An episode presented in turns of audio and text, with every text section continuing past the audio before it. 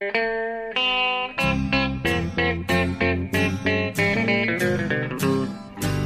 out there, we're on the air. It's hockey night tonight. Tension grows, the whistle blows, and the puck goes down the ice. The goalie jumps and the players bump, and the fans all go insane.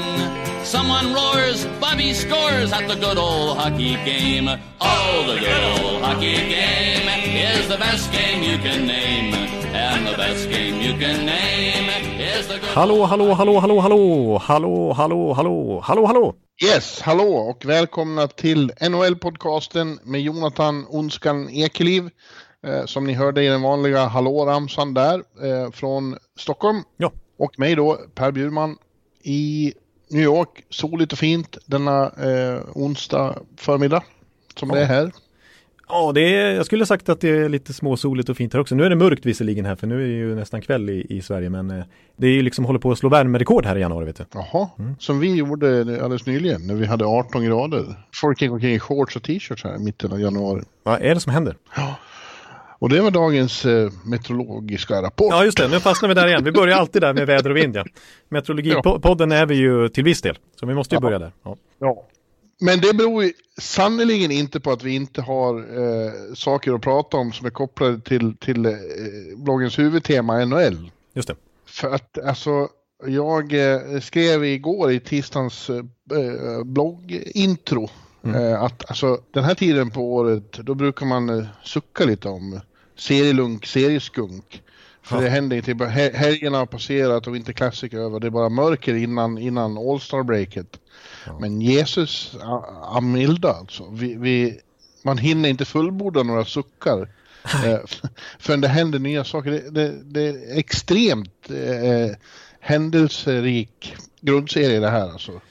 Ja. Jag, jag gjorde en lista där om, om allt som har hänt, som har hänt under veck, på en vecka innan, innan eh, ja, man kan ju säga att det under veckan som gått sedan vi spelade in sista avsnittet Ja. så har vi alltså haft Predator Sparkle eh, La Violette eh, och, och gjorde det olägligt nog tio minuter efter vi hade spelat in det avsnittet. ja men så, så kan det vara. Ja. Det är vi vana vid. Och, och dagen efter ersatte honom med John Hines, själv sparkad av Devils en månad innan. Med Elias Andersson som plötsligt bröt tystnaden om vad som har hänt med Rangers och dagen efter så bröt Rangers tystnaden om vad som har hänt med Elias. Mm. Pekarinne gör mål, Justin Williams skriver på kontrakt med Hurricanes, Devils sparkar sin general manager. Eh, vi har eh, Maple Leafs plockar upp Rasmus Sandin igen, Ovechkin passerar Teemu Selänne i, i, i alla tiders skytteliga. Brad Marchand slår en av de värsta straffarna någonsin. Beckis får vi veta igår då, braknyhet att han har skrivit på nytt femårskontrakt. Ja. Eh, med, och, och så nu på morgonen, precis när vi ska spela in det här, ja, då kommer nästa smäll. Vegas har sparkat Jared Ga- Gallant och ersatt honom med Peter Bohr. Ja, nej, jag vet inte var vi ska börja någonstans den här podden. Eller ja, vi får väl börja där helt enkelt. Men bara konstatera att det är ju, det är nästan för mycket. Vi hinner ju inte med. Vi får ju Nej. spela in podd varje dag om vi ska kunna ge alla ämnen rättvisa liksom. Jag skulle inte ha något emot det, Jonathan. Nej, visserligen inte. Det, det är lätt för mig att säga som inte behöver klippa och grejer. Men jag skulle gärna göra det här som ett heltidsyrke, sitta och prata med dig. Ja, vad trevligt. Det skulle jag också vilja göra faktiskt. Tänk att få prata NHL åtta timmar om dagen, sju dagar i veckan. Det skulle jag gärna göra. Ja, Det, men det, Men det, hade- det krävs ju nu. Det krävs ju nu. om vi hade en klippare. Ja. Om vi hade en klippare skulle vi kunna göra det. Ja, faktiskt. Men som de journalister vi är så börjar vi med de hetaste då. Det, det, serverades ju åt oss här då eftersom vi, vi ja i princip när vi satt och, när du satte dig i studion så kom den här nyheten. Ja. om, om, från Vegas då. Jag vet att när Lavi fick sparken förra veckan då sa vi men nu blir det i alla fall inga fler. Nu, nu tror jag det, nu, nu är det slut med sparkade coacher. Just det, det sa vi i en sms-konversation att nu, Ja. vi kan inte komma på någon som rimligtvis får sparken inom snar framtid. Det finns inte på kartan. Nej, och morsning korsning på oss. Ja. Det hade McCrimmon i Vegas något att säga om. Hold my beer som, det, som de uttrycker nu. Ja, precis. Ja, exakt. Det är helt enkelt så att eh, nej, han är inte nöjd med Vegas resultat. Jag menar förväntningarna på den klubben är ju vitt skilda mot när Gerald Gallant tog över den som första coach i historien för Vegas Golden Knights. Eh, nu ska de minsann vinna Stanley Cup, det är ambitionen. Och nu när de har torskat fyra raka matcher, ja, då har de halkat precis utanför slutspelsstrecket efter att ha typ ja, lett divisionen alldeles nyligen. Det är ju bara tre poäng upp till första platsen. Fyra, fyra laka matcher så. Fyra laka matcher. Ja, men det är, ja. Eh, tveksamt. Men eh, okej, okay, raka matcher. Det räcker tydligen. McCrimmon är inte nöjd med prestationen helt enkelt och, och, tycker att det krävs en ny röst där. Och visst, det är ingen dålig coach som kommer in som ersättare. Nej, eh, han är väldigt rak med det här nu att eh, vi spelar inte så bra som, som det här laget ska spela eh, Eh, och vi känner att något måste hända. Eh, det borde vi kanske ha kunnat räkna ut du och jag förra veckan också men, men Galant är ju eftersom det är en helt ny organisation och han har, satt sån enorm prägel på den och varit sån eh, förknippad med hela den enorma succé de hade första säsongen när de gick till final direkt som expansionslag. Ja. Så man, man har inte ens reflekterat över att inte Galant ska vara eh, Golden Knights coach. Nej, precis, för att han, det är som du säger, han satte ju verkligen systemet där. Det funkar ju perfekt direkt. Han fick väldigt många spelare att lyfta och många av dem har ju sin tur creddat honom och sagt att den dynamik, den stämning, den allt möjligt, både liksom rent taktiskt och rent, eh, vad ska man säga, eh, spirituellt i omklädningsrummet ja. har han verkligen jättestor del i. Och han har format det här nya laget. Så att, och han, han blev utsedd till Jack Adams-vinnare liksom första året också. Så att man har ju en enorm stor respekt för honom. Ja, eh, exakt som du säger. Han satte inte bara ett, ett, ett effektivt och eh, dessutom underhållande eh, spelsystem som, som harmonierade med, med hela idén om vad Vegas är för någonting. Ja. Eh, och, och, och, och, hjälpte till att skapa de här folkfesterna där. Men också allra viktigast var väl just den där eh, Misfits-kulturen eh, de utvecklade där. Att han fick hela laget och hela klubben och köpa den här, det är vi mot världen eh, attityden. De, eh, de, de var övergivna av sina tidigare lag. Ja. Bortkastade, eh, inte skyddade. Och, och han lyckades använda det till en stor, stor fördel. Precis, och han kanske använde sin egen energi på det viset också, för han fick ju lämna Florida något år tidigare mm. på ett väldigt brutalt sätt när han fick helt plötsligt lämna spelarna och sätta sig i en taxi på ett väldigt dråpligt sätt. Det är ju klassiska ja. bilder liksom. Ja. Eh, och, och, och, det i sin tur kanske han använder också som energi rent individuellt. Eh, liksom i, i sitt nya jobb. Men nej, så att jag, för mig är det en bomb och som sagt jag tycker inte de har spelat så dåligt den här säsongen att det skulle verifiera en sån här move av McCrimmon. Men eh, om man kommer in lite snabbt bara på, på vem som ersätter så är det ju Peter Bohr. Ja, vänta, vi ska återkomma till det. Jag, jag, jag, jag har saker att säga om det. Eh, men det säger ju också något om, om vilka, vilka krav eh, den där organisationen redan i, under sitt tredje levnadsår har på sig själv. Liksom hur den, hur den är, redan är inne i win nu-attityd. Ja. Och att det inte duger med och vara ett strecklag. för, för, för något decennium sedan hade han ju varit gud där. Eh, ja. och, och, untouchable efter, de här, efter den här inledningen på, på existensen. Nej precis, nu har, nu har ju förväntningarna vridits upp något enormt och de har en helt annan självbild nu och det är bara att se på movesen de har gjort senaste året, ett och ett halvt år ungefär med Max Pacioretty, med Mark Stone, med Paul Stastny, och så vidare och så vidare. Alltså, det, mm. det, det, Självbild är bra ord. Det är väldigt bra ord. Det har du rätt i. Och den, eh, jag vet inte, den kanske till och med är lite förstorad. När man är tre poäng från första platsen i sin division och ändå tycker att det är undermåligt, så undermåligt att man sparkar coachen. Det hallå? Som är populär i laget och som har gjort underverk eh, uppenbarligen tidigare. Så att... Har i alla fall varit tidigare. Vi ja. vet ju inte riktigt hur det, hur det står. Det, det har ju kärvat lite, det du säger fyra raka igår en eh, smärtsam förlust mot Buffalo. Ja, nollad av Columbus dessförinnan. Ja. ja, så som du, som du konstaterar, det är ju ett tungt namn som kommer in också och Peter Bohr och det är mycket som är jävligt pikant med det alltså. Jag, eh, jag tror att de får sätta frukostkaffet i halsen uppe i San Jose. Ja. För de sparkar sin mest framgångsrika coach och en månad senare så är han coach i samma division hos värsta rivalen. Ja. det är ju så. Sharks och Golden Knights har ju på de här, den korta tiden utvecklat en enorm rivalitet. De ja. tycker ju väldigt illa om varandra och Jesus, de möttes i den där Episka. första omgången. Ja, den där episka serien som slutade med, med Sharks eh, comeback där efter den felaktiga utvisningen. Och att, att han plötsligt har bytt bås. ja, och ska ställa sig där istället för galant och leda Vegas ja. Golden Knights till liksom en Stanley Cup som är hela planen nu. Det, det är eh, chockartat, onekligen alltså. Men man, eh, på något sätt så har det ordet inte samma tyngd längre, för nu är man så van att, att vara chockad. Ja. Man är luttrad på något vis, men det, det Ja, Peter Bohr, jag, jag förstår. Alltså, vi sa ju det när han blev sparkad att han är i princip på den nivån att man kan tänka sig att något annat lag sparkar sin tränare för att ta in honom. Eh, ja, faktiskt. För att han har ändå varit så pass framgångsrik senaste decenniet i NHL. Alltså han tog ju New Jersey till final. Han får snabba resultat i de klubbar han tar över. Han, eh, i, alltså även om pricken över i aldrig kom i San Jose så har vi utnämnt honom till kanske deras organisations bästa coach genom tiderna. Han gick ändå till slutspel samtliga säsonger. Han var i final, han var i konferensfinal. Han har ett fantastiskt record där i grundserien. Så att det är ju en, ett väldigt respekterat namn. Och jag kan förstå att eh, Vegas, om de ändå hade planer på att sparka Galant, såg sin chans att vara först ut och hugga De nu som var det hetaste namnet på tränarmarknaden. Och kanske få en snabb effekt då, som han är expert på, eh, nu när de verkligen går för Stanley Cup. Ja, jag, jag, tror att det, man kan säga att det är det som har hänt i princip. Att, eh, att eh, om inte De hade varit ledig nu, då är det väl högst tveksamt om de hade sparkat honom. Ja, det, det beror kanske mest på just det, att, de, att det fanns så ett, ett så pass hett namn tillgängligt fortfarande.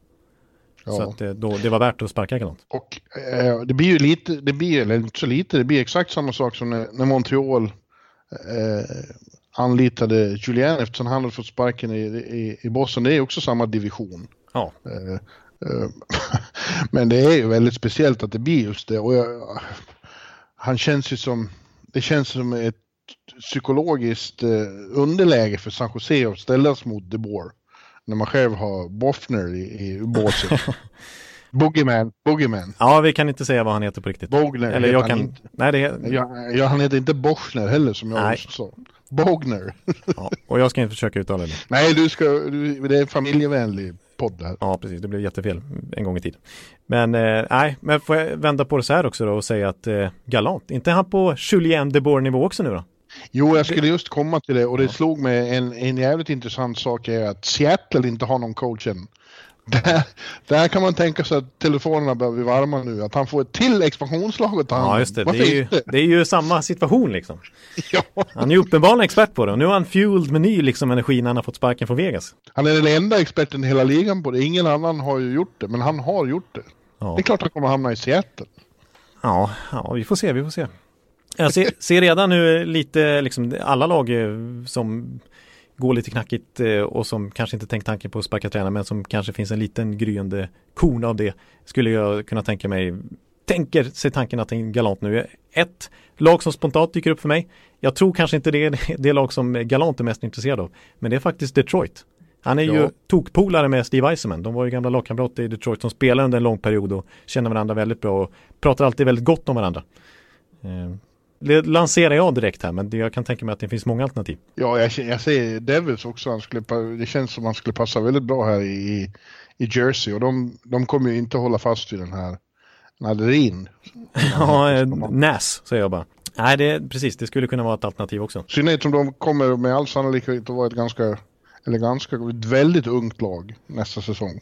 Ja, jo, eh, precis. De har ju så mycket byggstenar där så att det borde vara ett intressant projekt för en tränare att hugga tag i och få forma. Ja, men, men framförallt måste det ju vara så att, att uh, de uppe i Seattle nu bara ramlar av stolarna. Vi uh, har, har, har, som de här uh, spanjorerna i, i tjuren Ferdinand sett sin tjur nu och börjat skrika honom ska vi ha. Ja, precis. Har de ändå liksom slängt fram nu 650 miljoner i inträdesavgifter så kan de lika gärna börja kasta dollar nu på Galant också och försöka vinna någon slags budkrig. Ja, vad heter de, de som åker ut på landsbygden och hittar tjuren Ferdinand? Ja, det är, det är väl bandoliärerna och picadorerna, eller vad är det för ja, ja.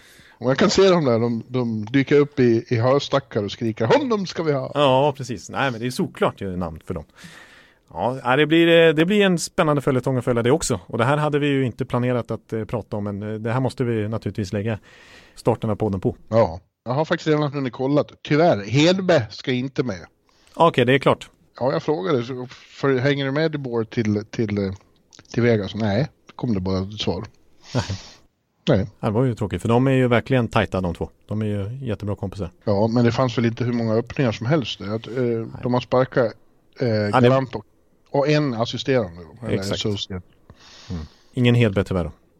Ja, men vi, ska vi, om vi ska hinna med allt möjligt så får vi väl kanske helt enkelt eh, gå vidare med, med, med fler eh, tränare. Ja, det är, Tränare-nyhet och GM-nytt. Mm. Ja, det är coachgrejerna som är de tunga här. Och som sagt, precis när vi hade eh, slagit av mikrofonerna för en vecka sedan så kom ju då beskedet att, att Nashville sparkar Peter Laviolette efter fem år, eller fyra och ett halvt. Mm. Och eh, dagen efter så kom också beskedet då att det är John Hines, själv sparkad av Devils eh, i början av december, som tar över.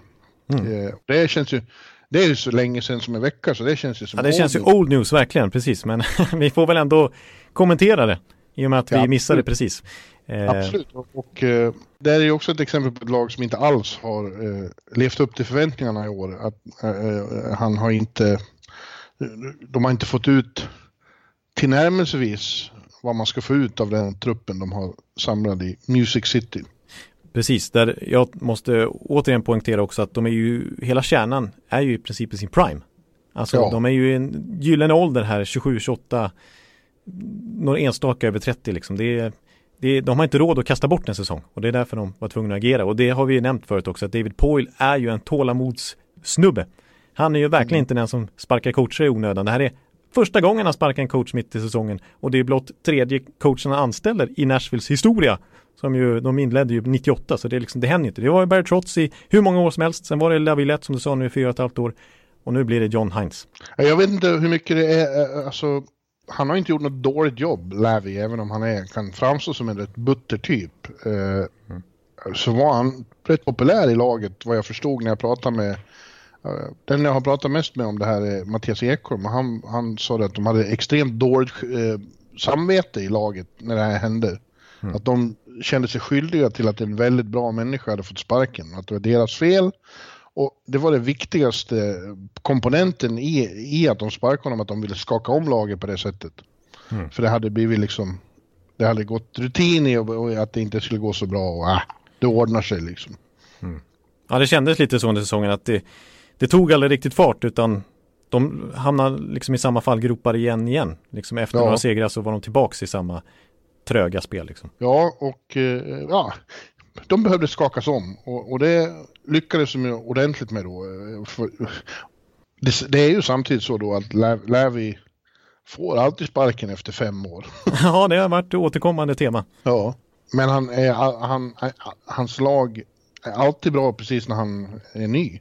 Ja. Så att han, han är ju också en sån som... Ja, precis. Jag kommer att tänka på det nu också. Han skulle också kunna anställas här någonstans helt plötsligt. Vi får väl prata om massa tränare nästa vecka också när, när han har hittat ett nytt jobb och galant kanske om han inte tar Seattle och hittar ett nytt jobb. Det känns ja. nästan så. Men eh, ja, Heinz, det är ju det, är ju ja, liksom... det var många som skrattade då då för ja. att han själv har fått sparken för att han inte fick ut vad man borde ha fått ut av den här Devils-truppen. Ja.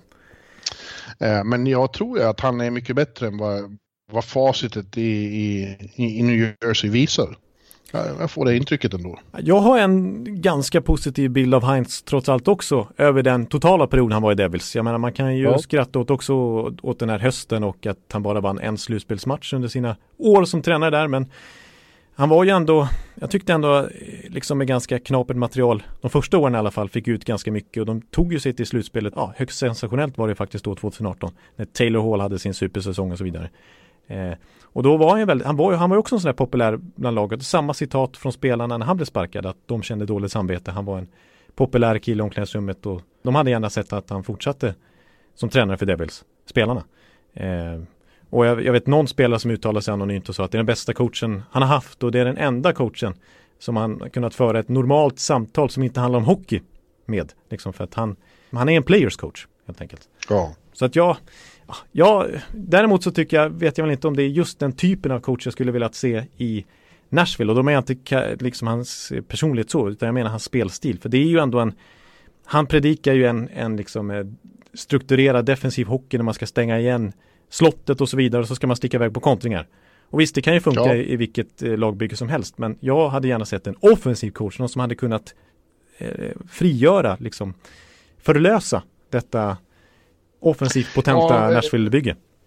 Ja, fast, fast det är lite så de har haft det med, med en mer fri kreativitet i offensiven och det har gått i stå. Det funkar inte nu. Och, och, och, defensiven har kommit, blivit lidande. Och Heinz har ju redan hunnit sätta sin prägel på, på det här. De vann med 1-0 här. Ja, mot Winnipeg. Mm. Ja, och, och det kändes ju som att eh, en helt ny eh, filosofi. Snabbt hade fått, eh, det, det var nästan som när Barry Trotz kom till Islanders. Ja. Det hörde jag också Ekholm sa då att det kändes för han som back kändes det väldigt positivt att de hade fått en helt ny struktur defensivt. Några förändringar som kändes väldigt positiva för honom. Ja, så kan man ju se också att visst, över tid så skulle jag vilja se liksom Nashville verkligen bara sprudla. Men samtidigt som jag sa också, de har inte råd att kasta bort någon säsong. Det sa jag om Vegas, så är det verkligen med Nashville också med hur, hur den här kärnan är uppbyggd liksom. Men, så då är det kanske enklast helt enkelt att ta en coach som kan med några små medel få till det mest elementära åtminstone att funka försvarsspelet och sådär, strukturen. I, igår i Edmonton såg det inte ut som att uh, Filip Forsberg direkt var hämmad av något nytt system. Nej, det kan man inte säga. Han uh, bjöd ju på... Han gjorde Zorro-målet. Ja, ja. Och kanske snyggare. Någon, ja, det var något fantastiskt med att han hade pucken nästan på klubbspetsen. Ja. Ja det såg nästan ännu elegantare ut på något vis. Ännu ja, mer ja. Eh, retfullt enkelt. Ja. Ja, det har, gått, det har ju nästan gått inflation i den typen av mål. Vi får se om det blir en ny trend liksom, alltså att spelarna verkligen, för det är ju väldigt effektivt. Men det krävs ju mycket teknik också för att behärska det i matchsituation.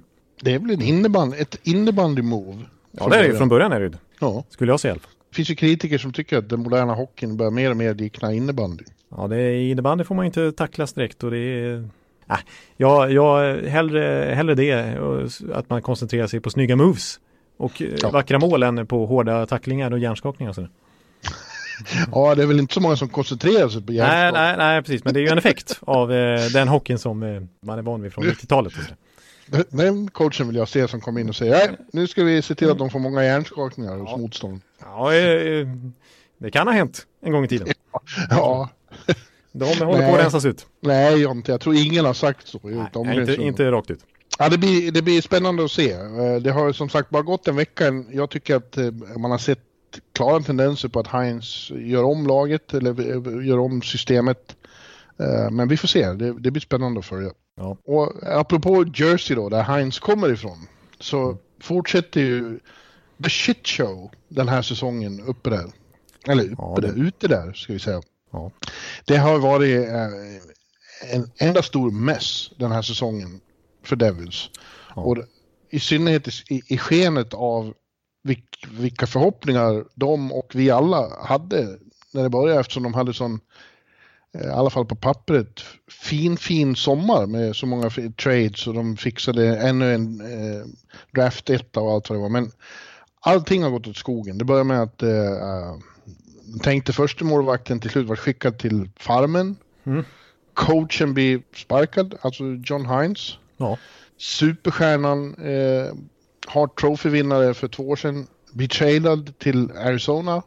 Mm. Och så slutligen då så får även Ray Shero, General Mansion, sparken. Jag var i, jag var i Jersey då i söndags. Just det, det var precis in, du åkte ut till den matchen. Jag satt och skrev, jag satt och skrev på ett intro på, på pressläktaren när det plötsligt plingade till att Ray, jag trodde först det var ett skämt. Ja. Uh, Ray Shero sparkade, no, nej det var minsann inget skämt. Ägarna hade mitt under säsongen tagit det extremt drastiska beslutet att sparka honom. Ja, och det, alltså tajmingen är ju så konstig för dels så var det ju direkt, det var ju dels bara någonting med innan matchen och det var dels efter att de hade slagit serieledarna Washington med 5-1.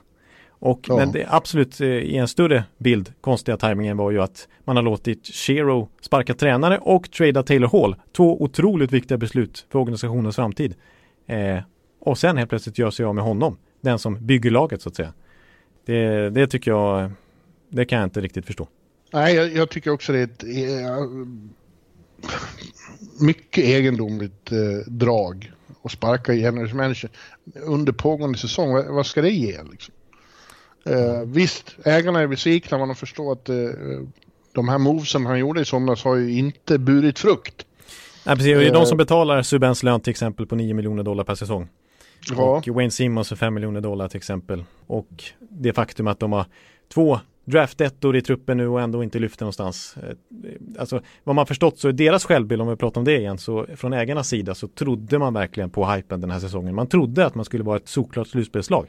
Och när... ja, men det trodde vi, det var inte de ensamma om att tro, det trodde vi ju också. Uh, och uh, alltså, det är fortfarande så att det han gjorde i somras, det är inte hans fel att det inte har gått bra på något vis. Det var ju ändå tunga fina namn som han fick in. Han, ja. Och, och jag ty- framförallt så har det ju känts som att han i flera år har haft något jävligt intressant på gång och, och metodiskt och lugnt och fint byggt ett nytt lag. Men nu får de ju börja om från början. Ja, precis. Nu har de sagt att vi behöver en ny riktning och vi litar inte på att Shero kan styra oss rätt utan nu behöver vi en ny röst här.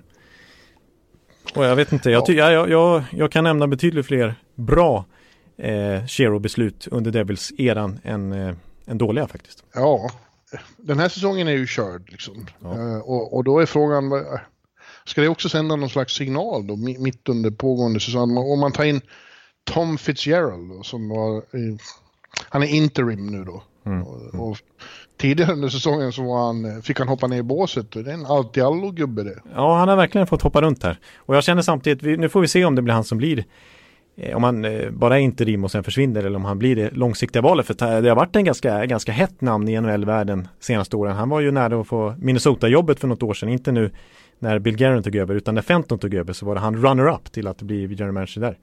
Men jag känner att han, menar, om man vill verkligen ha en ny riktning så vet jag inte om Fitzgerald är rätt person för han har ju varit Sheros högra hand. Han var ihop liksom med, med, Shero även i Pittsburgh. De är jättebra kompisar. Eh, han har definitivt haft eh, med, med leken och, och i att trada Hall till exempel att sparka Heinz. Eh, det känns som att det är typ samma person som man låter ta över nu. Eh, om man inte hittar ett helt nytt namn. Ja, konfunderade är vad man blir. Eh, det, det, ja, det är till och med obegripligt faktiskt. att de gör så. Men Ray Shero behöver man inte tycka synd om. Han är också en av, ett av de mest aktade namnen i, i, i NHL-familjen. Och eh, han kanske, han kan ta ett tv-jobb resten av den här säsongen, men han kommer ju få ett nytt jobb. Det är jag helt övertygad om. Ja. Och när du sa tv-jobb så känns det som att han skulle passa perfekt i tv. Han har den karisman och den analysförmågan känns det som. Han skulle briljera tror jag framför en kamera. Ja, det var därför jag eh, nämnde det. Bra. Ja, jag håller med dig. When you're ready to pop the question, the last thing you want to do is second guess the ring. At Bluenile.com, you can design a one of a kind ring with the ease and convenience of shopping online. Choose your diamond and setting. When you find the one, you'll get it delivered right to your door. Go to Bluenile.com and use promo code LISTEN to get $50 off your purchase of $500 or more. That's code LISTEN at Bluenile.com for $50 off your purchase. Bluenile.com code LISTEN. Ja, som sagt, det finns mycket annat att prata om. Men vi, eh, den, den eh, verkligen stora grejen för oss då är ju att eh, Beckis, Niklas Backström, Ja. eh, har på egen hand förhandlat sig till en kontraktsförlängning eh, på fem år. Så, som alltså, hans nuvarande tioårskontrakt går ut i sommar. Mm. Eh, och han avbröt samarbete med sina agenter eh, i somras eller tidigt i höstas och bestämde sig för att förhandla om det här själv.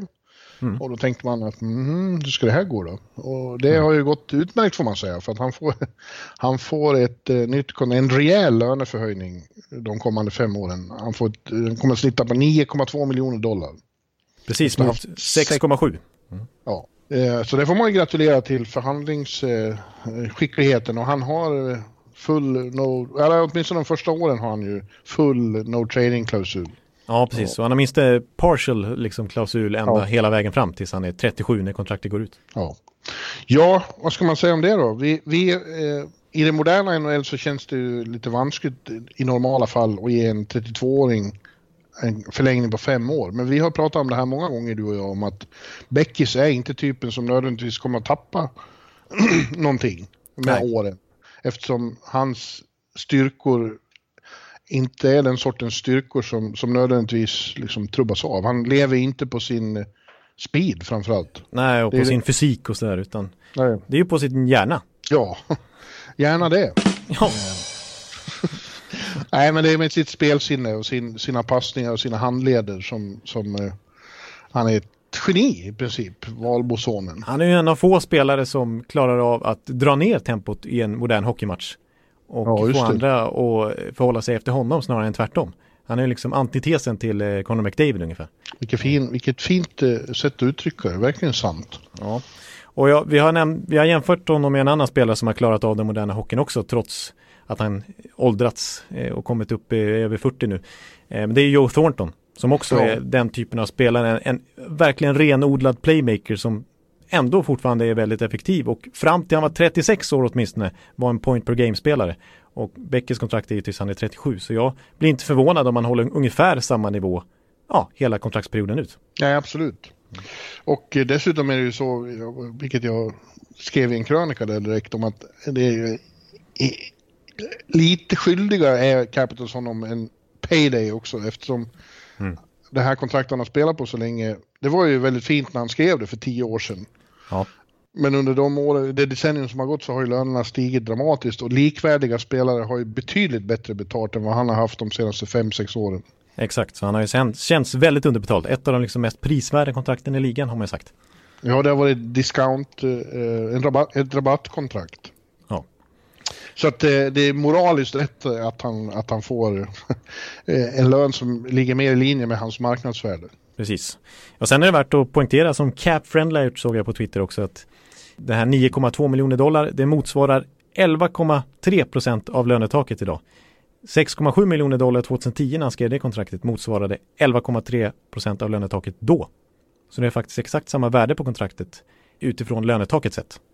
Ja. Eh, så att eh, det var ett bra kontrakt då. Det här kontraktet som är mycket mer dollar är faktiskt lika mycket värt på det viset nu. Så kan man ju resonera också.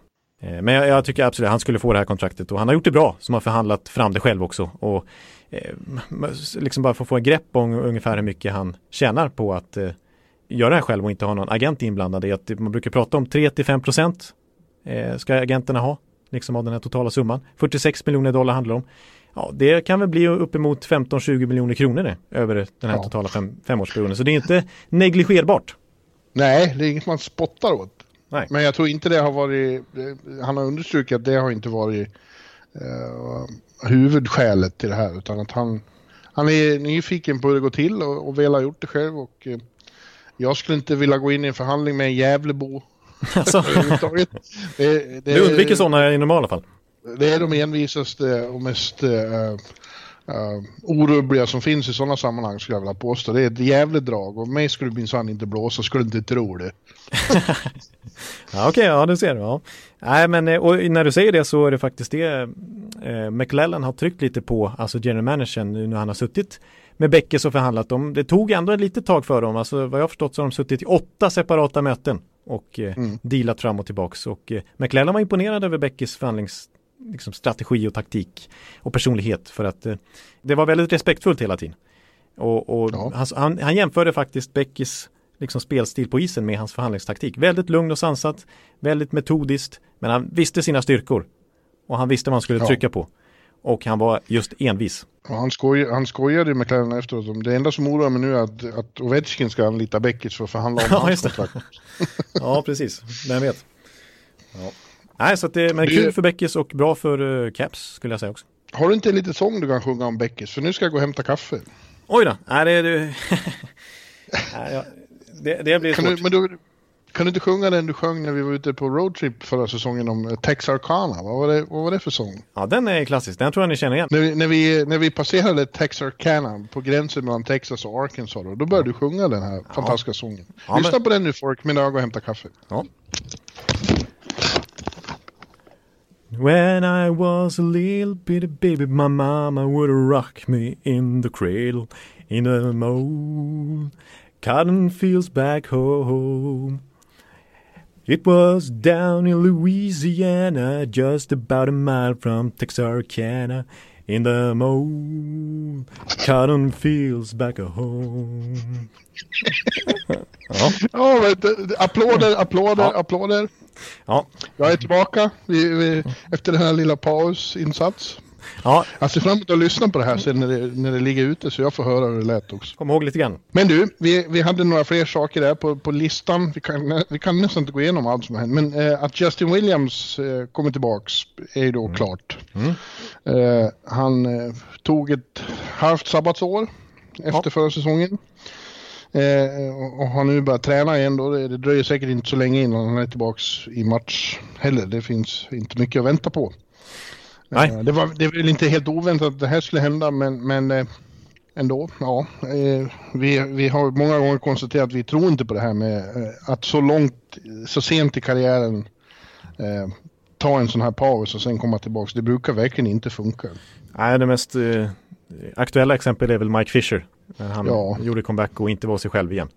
Eh, Och det var ju lika med Mats Sundin när han försökte Ja. eh, vänta till långt in på eh, året därpå och kom till Vancouver. Det blev inte bra. Nej, precis. Men det, ja, på ett sätt, ja, jag, jag tycker ändå det känns eh, bra för Carolina för han tar ett minimumlön, gör han ju faktiskt. Och han är ju liksom lagpappa på något vis. Att kanske att han rent spirituellt, nu använder jag det ordet igen, kan liksom få samma effekt som han hade i fjol när han verkligen, han var ju liksom ändå sinnebilden för Carolina Hurricanes search då. Eh, Ja, och, och eh, Bunch of Jerks. eh, ja, hela den grejen var ju han som höll i.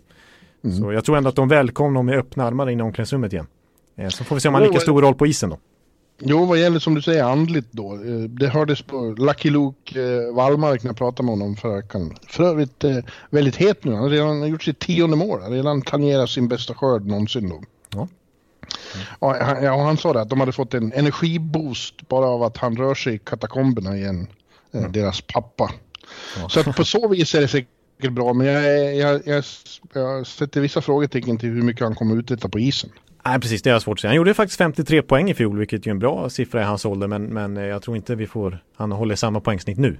Men ja, som sagt, jag är, ändå, jag är ändå positiv och glad för han och Carolina skull att det här blev av. Ja, vad kul för dig då. Tack så mycket. Jag är nöjd, jag är glad. Och vi får väl nämna det med, med Rasmus Sandin då, som gjorde succé i JVM. Eh, och eh, sån succé så att nästan eh, Maple Leafs-ledningen nästan fick lova att han kommer få fler chanser. Och när Morgan Riley nu varit satt ur stridbart skick eh, för lång tid framöver, Mm. storbacken, så plockar de upp honom från Marlies, Rasmus. Och eh, ja, det började ju bra i, igår kväll då när de, när de slog New Jersey. Han började med att leverera två skott som styrdes in och såg överhuvudtaget väldigt bra ut och fick mycket, mycket beröm. Austin Matthews sa att det var en ren kick av honom. It's a blast to see him. Ja, det är inga dåliga ord och han har verkligen inte fått eh, dåliga omdömen här sista veckorna eh, under, under och efter JVM. Eh, för att han var ju fantastisk i den turneringen. Snacka om att han man verkligen kände då, visst han har varit hypad länge och han har gjort det bra i AHL eh, sen han kom över till Nordamerika och, och i OHL dessförinnan också. Men, men nu såg man verkligen vilken talang han är. Han var ju dominant i JVM. Han var ju bäst. Han blev till och med utsedd till turneringens bästa back och det var ingen snack om det.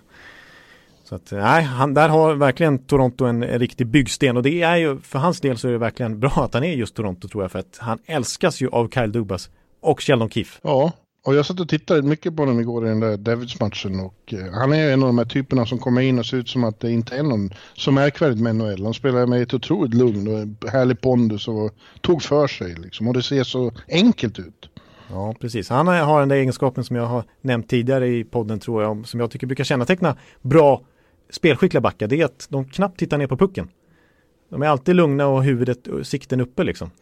Ja. Eh, och då, då har de ju naturligtvis en väldig koll på vad som händer och sker på isen. Eh, och det, han är den typen av back. Eh, så att, nej, han kommer bli fantastiskt bra. Sen får vi se på kort sikt här, tycker jag att det ser lite oroväckande ut för Toronto då med både Morgan Riley långtidsskadad och även Jake Mussin har ju en fotfraktur och jag vet inte riktigt hur nära han är comeback. Eh, så det är de två eh, ledande backarna i laget. Ja, nej, det är inte bra, men, men eh, ja, det såg väldigt bra ut där mot Devils. Det är ett, när, när, när, när Toronto är på humör och får det att stämma så är det ett väldigt underhållande lag att titta på. Precis, med just Keefe också måste vi ändå säga. Alltså, snacka om att han Ja, har, vi, har, vi har pratat om honom om, flera gånger i podden och, och det har ju, visst det har varit lite, på slutet har han släppt in en hel del mål och sådär. Delvis på grund av skadorna på backsidan men sen han tog över, de är fortfarande, de är ligans tredje bästa lag från den punkten. 16-6-2 i record. Ja, Eh, Så att det, det är ett underhållande lag, precis som vi förväntar oss med, med, med han i båset. Hör du, eh, vi har ju varsitt lag innan allt det här med alla dessa nyheter bara ramlar över oss som vi måste eh, reda ut. Ja, ja. Så i, i vanliga fall brukar det vara så här också den här tiden på året att vi får vi får anstränga oss lite för att hitta ämnen och teman och bygga de här podcastavsnitten på. Så är det verkligen inte längre den här säsongen. Nej. Eh, Det är knappt så vi hinner med och, och, och få med allt vi borde diskutera. Men, men eh, vi tar det tidigare i veckan när vi skulle göra det. Vi har ju varsitt lag vi vill prata lite extra om. ja det, så är det faktiskt. Och eh, mitt lag som jag helt fräckt börjar med nu då. Gör det. Eh, det är Columbus Blue Jackets. Som eh, eh, nu står på, de är på, precis under eh, sista wildcard-platsen på samma poäng som Philadelphia. Mm. Eh, och, och, är alltså med i racet även i år. Och det är, tycker jag, exceptionellt anmärkningsvärt. För att eh, det som hände i somras då var inte att de likt Islanders ett år innan bara tappade en stjärna, de tappade alla stjärnor de hade. De ja. tappade Bobrovski, de tappade eh, Panarin, eh, Panarin, de tappade Duchene och de tappade Single. Ja. Eh, totalt brandskattad trupp som dessutom har haft extremt tunga skador på väldiga nyckelspelare och fortfarande har. Ja, för liksom Korpisalo som skulle ta över som första keeper och gjort det bra blev faktiskt uttagen till All Star-laget innan den ja. skadan. Han är borta nu. Eh, vi har ju Cam Atkinson som jag menar gjorde 40 mål i fjol som skulle liksom axla rollen lite efter Panarin och måste ju fortsätta leverera. Han har inte haft så bra säsong och varit väldigt skadedrabbad till exempel. Ja, och, och Dubinski har varit borta hela säsongen. Josh Anderson är borta. Björkstrand, ja. Mm. Jag skulle just säga det, vår favorit som vi såg i Nationwide Arena och vart förtjusta i. Kommer du ihåg det? Den matchen Ja, då var Josh Anderson fantastisk. Ja. Och Kuken är skadad nu också. ja, det, det uttalet var tveksamt. Men det är svårt att uttala ja, det på ett annat sätt. Ja. Men de säger ju det, amerikanska och kanadensiska kommentatorerna han med. Man, man, rygg, man, ryggar, man tittar upp varje gång de säger vad sa han? Ja. Kuken, Kuken. säger de. Ja, det, ja, förlåt. Det är, det är lite kul. Det är, det är lite kul. Blir, blir det explicit varning nu igen? Ja, det tror jag faktiskt att det kan bli. Men det, det får det vara värt. Eh, han heter ju så. Ja, han gör det. Ja, men ändå så, så har de alltså samlat sig till eh, en så fin, fin säsong. Och på samma sätt som alltid så har de gjort sig till ett extremt svår, svårspelat lag. De är en pain in the ass att möta. Ja. Eh, mm. Jag pratade så sent som igår, alltså, den här veckan har de ju då två, två nollningar i rad. Först mm. slog de Vegas med 3-0 i lördags. På bortaplan? Och, de, mm. och igår slog de Boston med 3-0 i reprisen av den matchen vi såg då i fjol. Ja, just det. Det är, det är verkligen imponerande. Ja, det är extremt eh, imponerande och eh, han, eh, ersättaren som har fått komma in nu då, Elvis. Elvis ja. Merslikins. Ja, så ska man väl säga. Eh, han har hållit två nollor i rad. Ja. Och efter den matchen mot Boston då pratade jag med Wennberg eftersom Alexander Wennberg har gjort mål i båda de här matcherna eh, och kom igång lite eh, efter. Och eh, ja, han, han konstaterar att vi spelar, vi spelar inte världens roligaste hockey kanske, men vi mm. jobbar stenhårt för varandra och det har gett resultat och vi, vi, vi har en enorm sammanhållning i gruppen. Eh, och vad vi, vad vi, jag och han inte kom in på då, men som jag tänkte understryka här är att det här, om det här säger något, mm. så är det ju att John Tortorella är en, med alla sina warts and all, som man säger, ja. så är han en jävla bra hockeycoach ändå.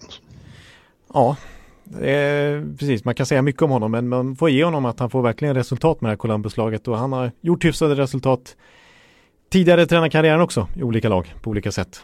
Och eh, bytt stil här och där. Ibland har han varit en dinosaurie som i World Cup med USA där. Då trodde man han var slut. Men nu känns han återigen typ Jack Adams eh, nomineringsvärdig. Absolut. Ja, jag tycker att han på min, på min lista är nummer ett nu. Med tanke på ja. vad han har för material att jobba med. Ja. Eh, och just det du säger, han har verkligen förnyat sig själv. Sen, sen World Cup och sen det inte så lyckade eh, sessionen i Vancouver. Ja så har han förändrat både sin attityd som person, även om han fortfarande är hetlevrad, mm. så håller han ju i, åtminstone för det mesta igen. ja.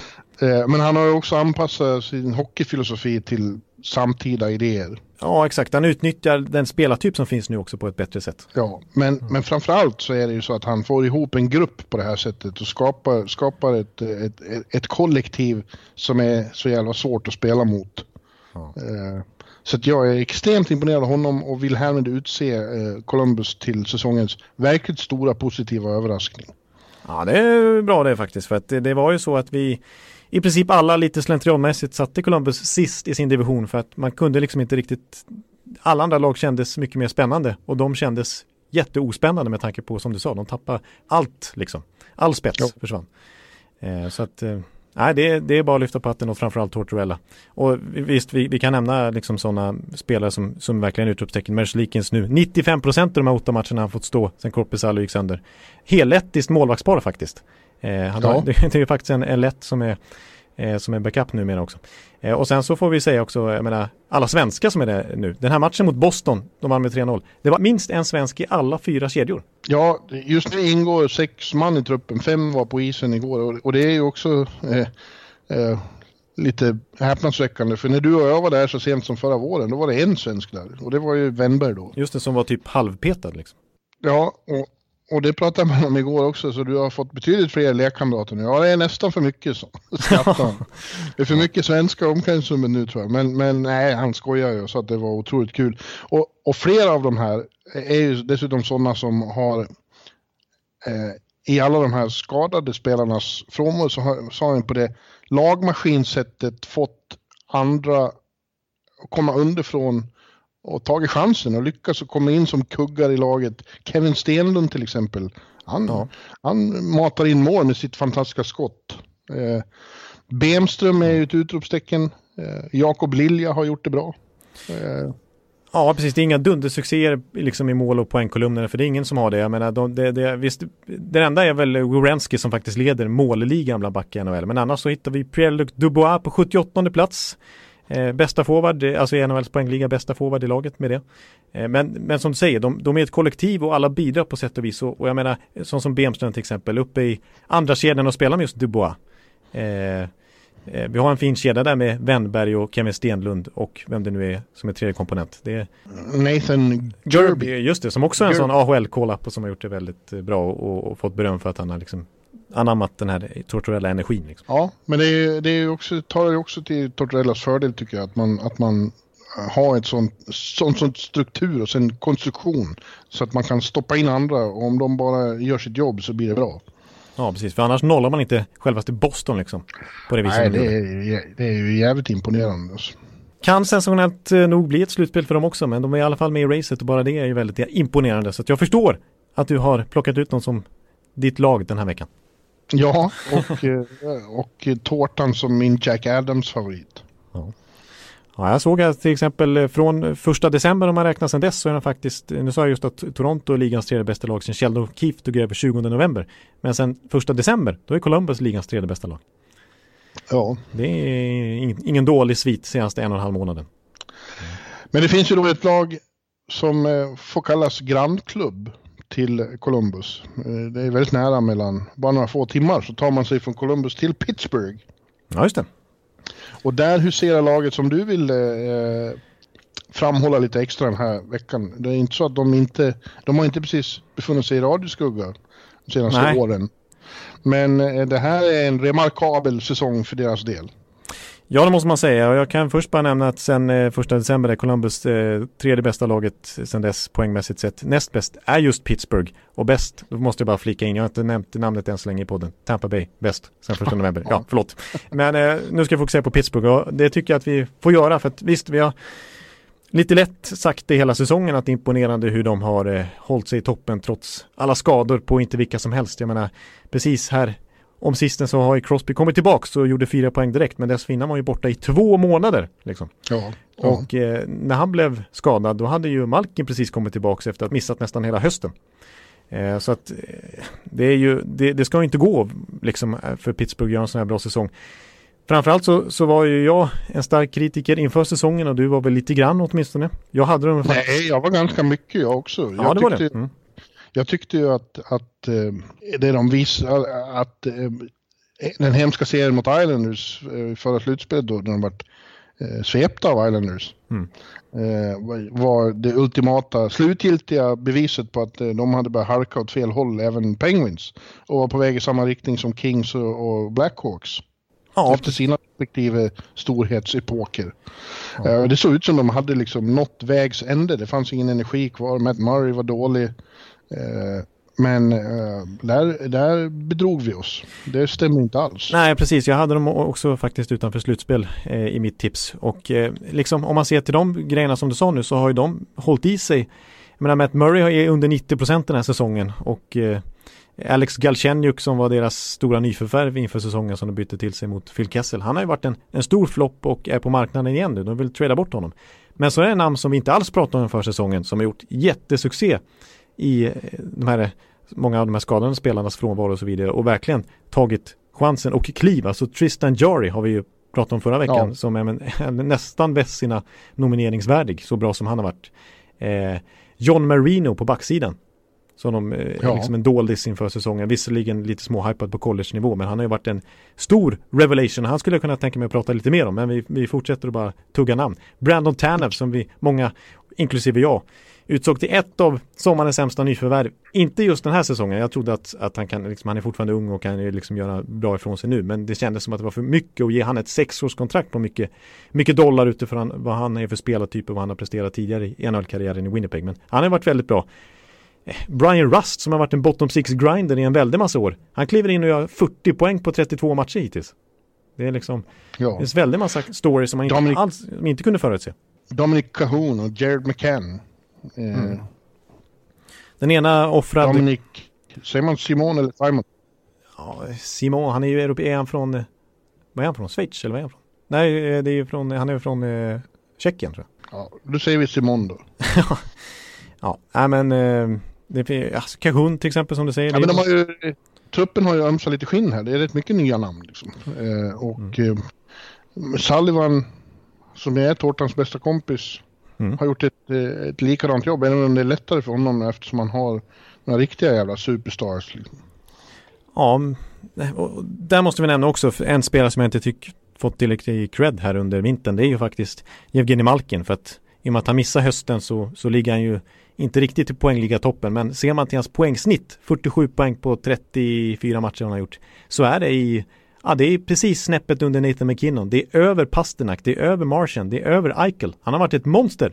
Ja. Men eh, det är, det är värt att påminna om att det här är, ju ett tema som har gått igen eh, under alla deras år i Pittsburgh. När den ena är skadad så blir den andra ännu bättre. Ja, det, det, det sa du ju redan då när skadorna kom. Först på, på Malkin och sen på Crosby. Att de, de är ju så här, för Crosby var ju fantastisk under hösten när Malkin var borta i sin tur då. Så Ja. det, det, det är ett fenomen som vi vet att det blir så. Eh, Men fler skador, vi kan ju säga alltså Brian Dumoulin har varit borta jättemycket, Justin Schultz har varit borta jättemycket, Nick Bjugsten har bara spelat 10 matcher, Chris Letang har missat ett tiotal matcher, Patrik Hörnqvist har missat ett femtontal matcher. Ja, Hur är det möjligt? Det är bara, Ja. här måste vi också verkligen som du säger credda Sullivan. Eh, ja det måste du. Som jag måste också poängtera också är väldigt ombytlig och, och har inte så stelbent i liksom systemet hur, utan han kan anpassa sig lite utifrån materialet. Alltså, de vann jag tycker att de vann sina två Stanley Cups på lite olika sätt. Första var, Ja, lite mer, de. första var lite mer defensivt när Chris Letang var borta. Andra året var lite mer det vanliga Pittsburgh. Eh, nu tycker jag att de spelar lite mer defensivt och lite mer efter resurserna. Deras backar pinchar inte alls på samma sätt. De är mer defensivt strukturerade och det ser man. Till exempel när, när, när de är som bäst, då släpper de in en hel del mål. Eller när de är som mest sevärda, då släpper de in en hel del mål. Då.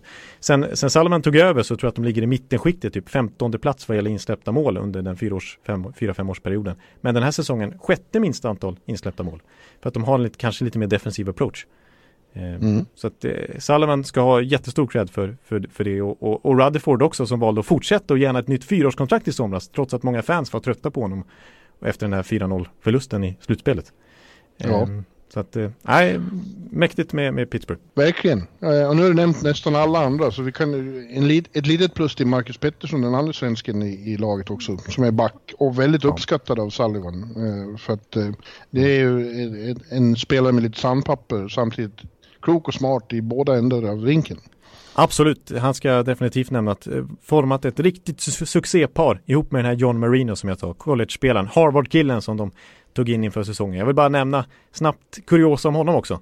Han eh, var ju draftad egentligen av Edmonton, men eh, så eh, vill han inte skriva på där och då såg Pittsburgh sin chans och plockade upp han istället, bytte till sig honom mot ett sjätte val tror jag inför säsongen och, och det föregicks av att eh, hans bror, han, är, han har en tvill, tvillingbror, den är John Marino som heter Paul Marino eh, som också pluggar på Harvard. Det är två smarta eh, begåvade killar här. Och, Mhm. och eh, han, han har som ambition att bli general manager i NHL en gång i framtiden.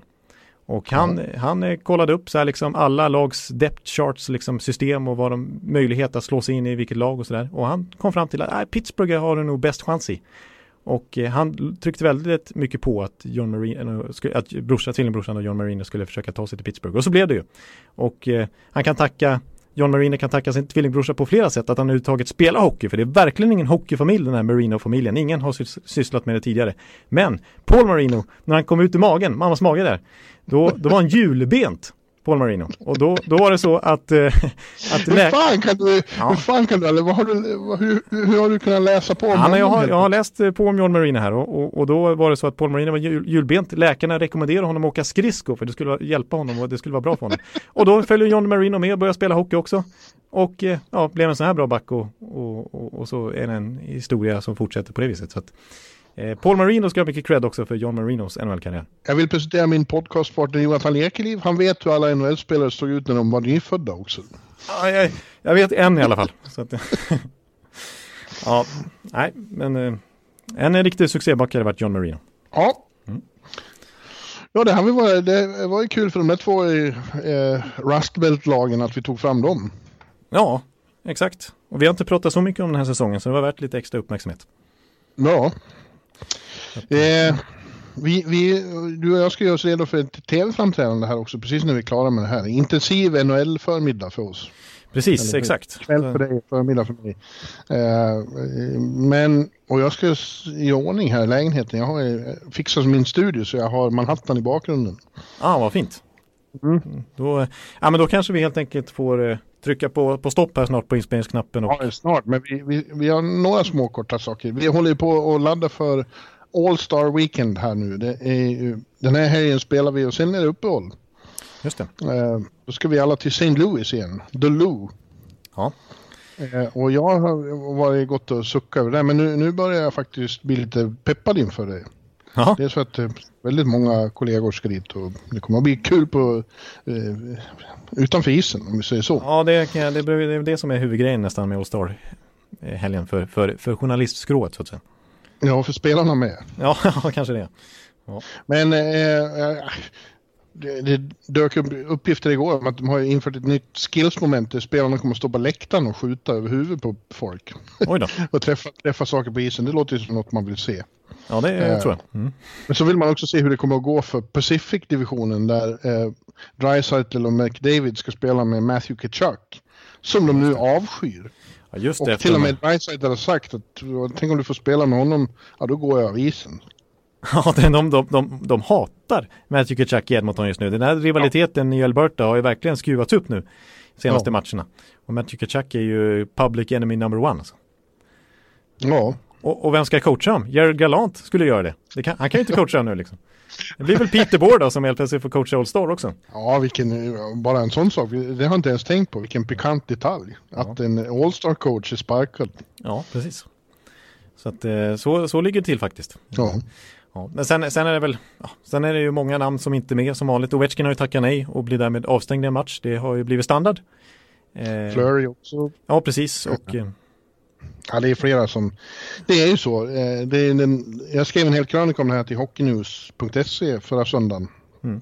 Om eh, att det är den sämst bevarade hemligheten i Nordamerika nästan att ingen spe, inga spelare vill ju bli uttagna till det här. De vill hellre vara lediga och åka till Karibien och ligga i en solstol några dagar. Ja. Ja. Och jag, jag har full förståelse för det. Eh, jag bevakade Z i alla år som alltid fick ont i handlederna den här tiden. På ja, det var en upper body som dök upp där helt plötsligt.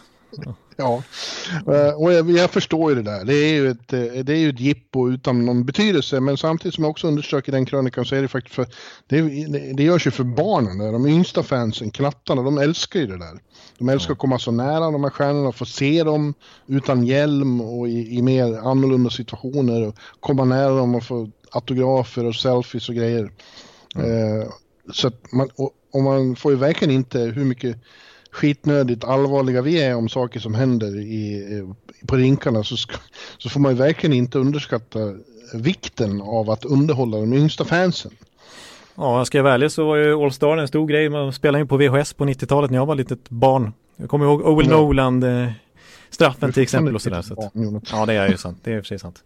Så jag kanske tycker det är kul då. Skott från läktaren och sådär.